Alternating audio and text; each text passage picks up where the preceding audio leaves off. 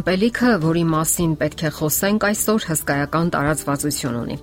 այն խմում են ամբողջ աշխարհում։ Դեռևս 1-2 տասնամյակ առաջ շատերը նույնիսկ չէին պատկերացնում, որ այն այսպիսի լայն կախվածության մեջ կգցի նույնիսկ կամքից ուժեղ մարդկանց։ Եվ այնուամենայնիվ դա փաստ է։ Առավոտյան սուրճը ավելի կարևոր է եւ անխուսափելի, քան ցանկացած այլ սովորություն։ Մարդն առավոտյան արթնանում է գլխացավով, սակայն նա գիտի, թե որն է իր գլխացավի պատճառը՝ սուրճը, որը հարկավոր է խմել եւ այն էլ անհապաղ այլապես ուժեղ գլխացավը իրեն բաց չի թողնի, ինչև չստանա հերթական չափաբաժինը։ Այս ըմպելիքը համարյա թե պարտադրում են գնորդին։ Նրա մասին առասպելներ են տարածում։ Ահա այդ առասպելներից եւ գովազդներից միայն մի քանիսը՝ առավոտյան հրաշք, առույգության էլիքսիր, երջանկության գրավական եւ այլն։ Բոլոր խանութներում սուրճի գովազդները առաջնային տեղն են զբաղեցնում եւ այն դարձել է մարդկանց ամենօրյա ըմպելիքներից մեկը, որովհետեւ շատերն այդպես էլ չեն կարողանում ազատագրվել այդ լուրջ կախվածությունից։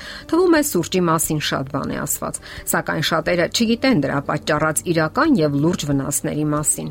Եվ այսպես, սրճամոլներն ավելի շատ են հակված ճարպակալման։ Նրանք ավելի շատ են ծխում եւ հակվում ալկոհոլին։ Մեծ է հավանականությունը, որ նրանք ավելի շուտ կմահանան սիրտանոթային հիվանդություններից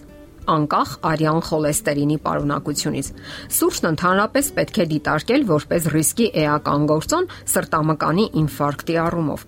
Ուշադրություն դարձրեք հետևյալ փաստին. սուրճի սիրահարի մոտ նկատվում է հակվածություն նաև մյուս թմրանյութերի հանդեպ։ Նրանք ոչ միայն ավելի շատ են ծխում, այլ ավելի շատ են օգտագործում հանգստացնող դեղամիջոցներ։ Ասենք որ օրական 5-ից 6 գավաթ սուրճի օգտագործումը արդեն լուրջ վտանգ է առողջության համար։ Իսկ ինչու շատերը այդպես էլ չեն կարողանում հրաժարվել դրանից։ Ինչու խրոխտ հայտարարություններ են անում, որ իրենք են դրության տերը, սակայն իրականում չեն կարողանում ազատագրվել, որովհետև նույնիսկ օրական 1 գավաթ օգտագործելու դեպքում հարկադրական հրաժարվելիս նրանց մոտ նկատվում է абստինենցիալ համախտանիշ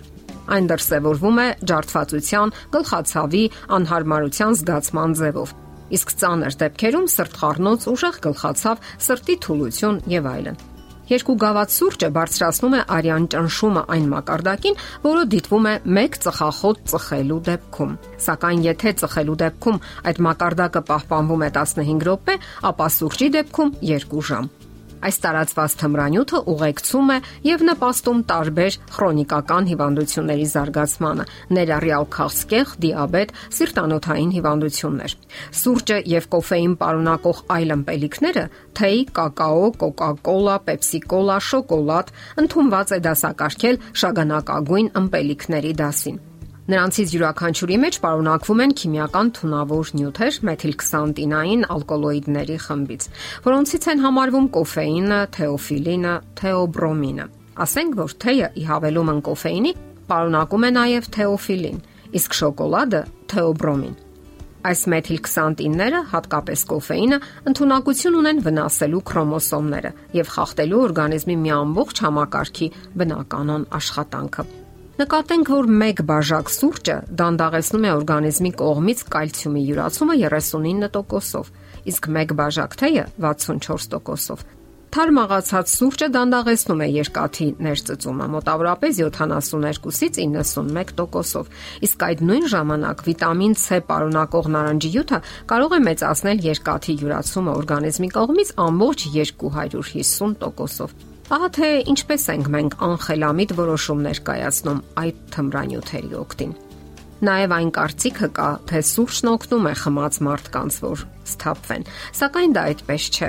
Այն ոչ միայն չի օգնում, այլ նաև ավելի է մեծացնում ալկոհոլի վտանգավոր ազդեցությունը օրգանիզմի վրա։ Իսկ ինչ մնում է նյարդային համակարգը գրգռելու նրա հատկությանը, ապա դա ժամանակավոր արդյունք է, ինչից հետո օրգանիզմը վերադառնում է նախկինից ավելի ցածր վիճակի։ Դա նույնն է, ինչ հոգնած ձիուն մտրակահարես, որ նա ավելի արագ վազի։ Իր pašարների հաշվին միգուցե որոշ ժամանակ դեռ վազի, որ դիմանա, սակայն հանգուցալուծումը վաղ թե ուշ վրա կհասնի։ Նույնը տեղի է ունենում նաև մեր օրգանիզմի հետ։ Հետազոտությունները ցույց են տալիս, որ աշխատավայրում կոֆեին պարունակող ըմպելիքների օգտագործումը ոչ միայն վատթարացնում է աշխատունակությունը եւ աշխատանքային արտադրողականությունը, այլ ընդհակառակը ուժեղացնում է ամենօրյա սթրեսների վտանգավոր ազդեցությունը, մեծացնելով պատասխան հակազդեցությունների ինտենսիվությունը եւ նվազեցնելով շփման ընդունակությունը։ Չնայած այն բանին, որ սուրճ օգտագործող մարդը կարող է կարճ ժամանակով ուշադրության կենտրոնացման ուժեղացում զգալ, աշխատունակության իրական բարելավում տեղի չի ունենում։ Իսկ երբ գիտակցում եք, որ արդեն կախվածության մեջ եք, ուրեմն ժամանակն է մտածել դրանից ազատագրվելու մասին։ Պարզապես հիշեք, որ ցանկացած կախվածությունից հրաժարվելու համար դժվարը առաջին 3 շաբաթն է։ Վստահությամբ առաջ ընթացեք դեպի առանց կախվածությունների ազատ եւ առողջ կյանք եւ յուրաքանչյուր մարդ կարող է դա անել։ Եթերում է առողջ ապրելակերպ հաղորդաշարը։ Ձեզ հետ է Գեղեցիկ Մարտիրոսյանը։ Հարցերի եւ առաջարկությունների դեպքում զանգահարեք 094 08 2093 հեռախոսահամարով։ Հետևեք մեզ hopmedia.am հասցեով։